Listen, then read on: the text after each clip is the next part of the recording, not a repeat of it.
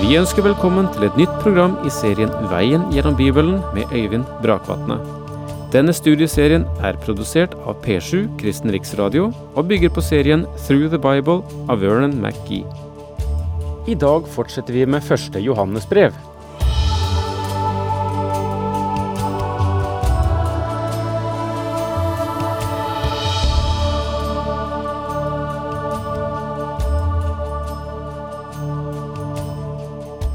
Velkommen til eh, å gå inn i et nytestamentlig skrift igjen.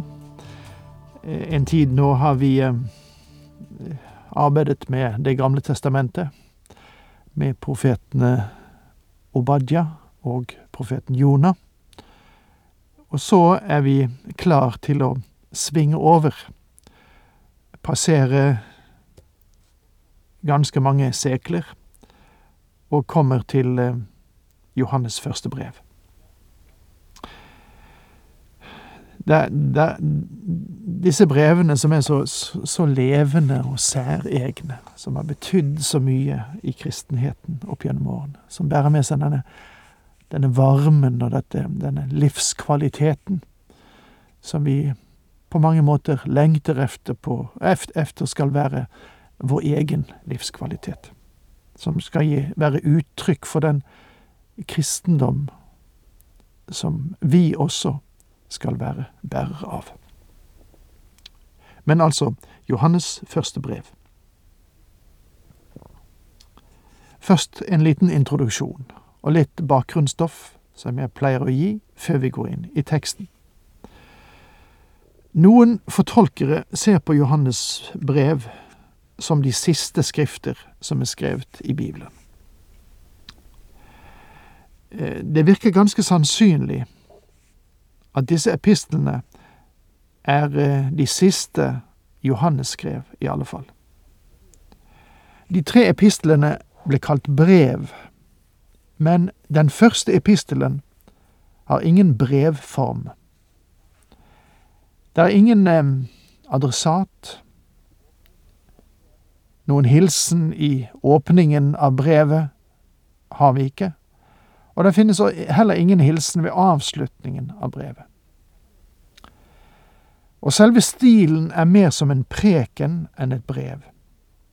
Og denne epistelen bærer alle tegn på et budskap fra en hengiven pastor som hadde kjærlighet og omsorg for en bestemt gruppe troende. Johannes tjente som menighetsleder i menigheten i Efesos. Og denne menigheten, vet vi, var grunnlagt av Paulus. Gjennom seklene har kirken ment at Johannes skrev først sitt evangelium, deretter epistlene, og til sist åpenbaringen, før sin død. Men i de siste desennier er mange av den oppfatning at Johannes skrev sine epistler til slutt, og det betyr at han skrev epistlene etter sitt fangeopphold på Patmos. Og dette gir oss en datering av epistlene til omkring århundret. Johannes døde i Efesos og ble begravd der. Johannes' basilika ble bygget over Johannes' grav av Justinian i det femte århundret. For å forstå Johannesepistelen så må vi vite noe om byen Efesos ved begynnelsen av det andre århundret. Den var ganske lik enhver annen by på den tid, og som vi ofte kan møte den i dag. Det var fire viktige faktorer som var bestemmende i Efesos, og gjennom hele den romerske verden. For det første det rådet nå, altså nå i betydningen når denne epistelen ble skrevet, et gammelt kjent forhold til kristendommen. Mange av de troende var barn eller barnebarn av de første kristne. Den første skinnende glans ved den kristne tro var begynt å blekne. Nyhetens interesse var i ferd med å dabbe av. Den første tidens spenning og herlighet var begynt å bli borte. Husk hvor spennende det hadde vært å være en troende da Paulus først kom til byen og utfordret efesernes Diana. Hele byen hadde stått på ende. Og i Apostlenes gjerninger kapittel 19 leser vi om den virkning som Paulus' undervisning hadde på synagogen i Efesos, også den innflytelse som den daglige undervisning i Tyrannuses skole gjennom to år hadde hatt. Og deres kjærlighet til og nidkjærhet for Kristus hadde vært brennende på den tiden. Men mange år senere, da den Herre Jesus sendte et brev til de troende i Efesos ved Johannes mens han var i eksil på Patmos, hadde han sagt, Men dette har jeg imot deg, at du har forlatt din første kjærlighet. Slik står det i Åpenbaringen 2, vers 4. Og det var det Jesus langt tidligere hadde advart mot.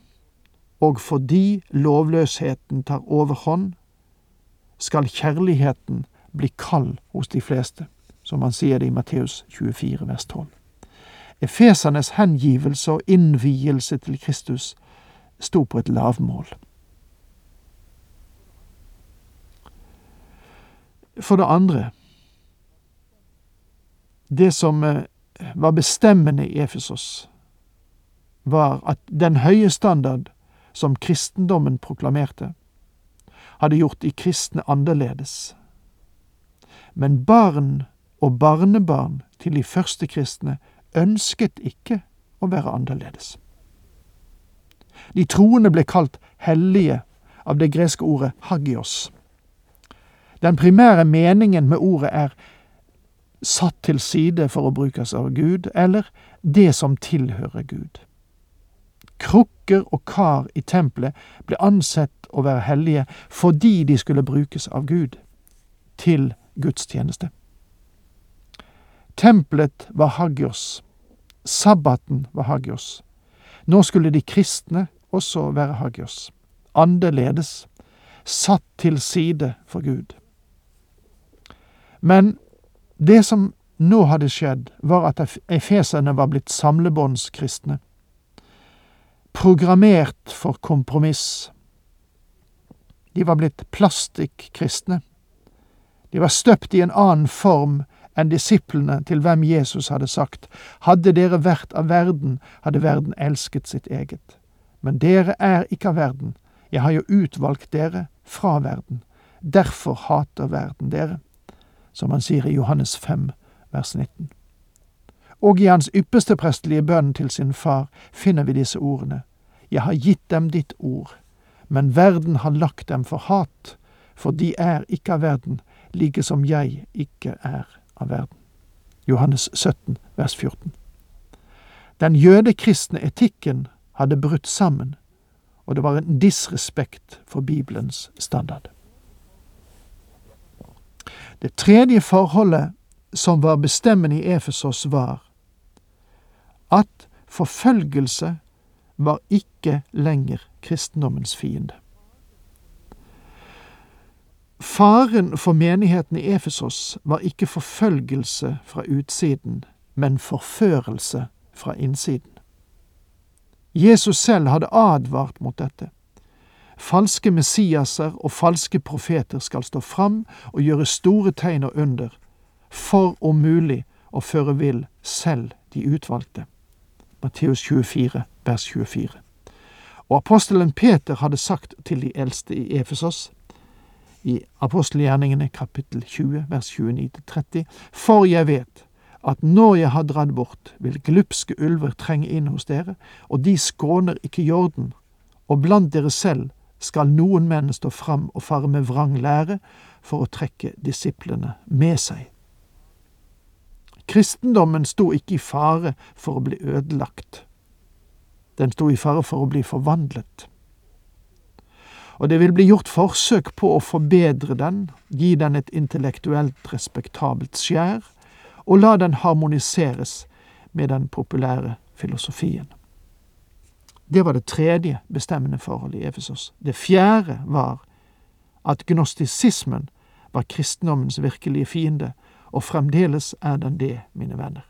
Gnostisisme var grunnfilosofien gjennom hele det romerske imperium. Og denne visdomslæren, gnostisismen, tok mange skikkelser. Men det primære prinsipp som løp gjennom hele denne filosofien, var materien eller det materielle var i bunn og grunn av det onde. Bare ånden var god. Hele den materielle verden ble ansett å være ond, og derfor foraktet gnostisismen legeme. De framholdt at i legeme var det en ånd som et såkorn i møkket jord. Og det er det samme prinsipp vi møter i religiøst farget liberalisme, som fastholder at det finnes en gnist av noe godt i alle, og at hvert menneske må utvikle denne gode kjerne. Og gnostikerne forsøkte å få denne kjerne, denne ånd i dem, til å vokse, og prøvde å bli kvitt det onde legemet. Og det var to ekstreme metoder for å nå dette mål praktisert henholdsvis av stoikerne og epikureerne. Apostelen Paulus' konfrontasjon med disse to synspunktene finner vi gjengitt i Apostlenes gjerninger, kapittel 17, vers 18. Hør. Noen av de epikureiske og stoiske filosofer diskuterte også med ham. Og noen sa, hva er det egentlig denne pratmakeren sier? Men andre mente han er visst en som forkynner fremmede guder. Det var fordi han forkynte evangeliet om Jesus og oppstandelsen. Stoikerne de var disipler av Zeno, og navnet stammer fra Zeno som foreleste i Aten. De var panteister, som blant annet fremholdt at det vise mennesket skulle være løst fra alle pasjoner, ubeveget både av glede og sorg, og undergitt naturlovene. De hadde veldig stramme lover og en sterk selvdisiplin. Epikureene tok sitt navn fra Epikur, som også foreleste i Aten. De aksepterte de greske gudene på Olympen. De anså livslysten fremfor sannheten og være livets prinsipp. Opprinnelig søkte de å tilfredsstille den intellektuelle og ikke den sensuelle lengsel, men senere gikk etterfølgerne i retning av å tilfredsstille legemet på alle vis for at det senere ikke skulle plage dem. Og det fantes altså mange avskygninger mellom disse ekstreme retninger i stoisisme og epikurisme, men alle fornektet Jesus som Messias. Og jeg tror Johannes hadde dem i tankene når han skrev, og hvem er løgneren om ikke den som fornekter at Jesus Kristus, han er antikrist, han som fornekter Faderen og Sønnen. Og med det må vi si takk for nå, Herren med deg.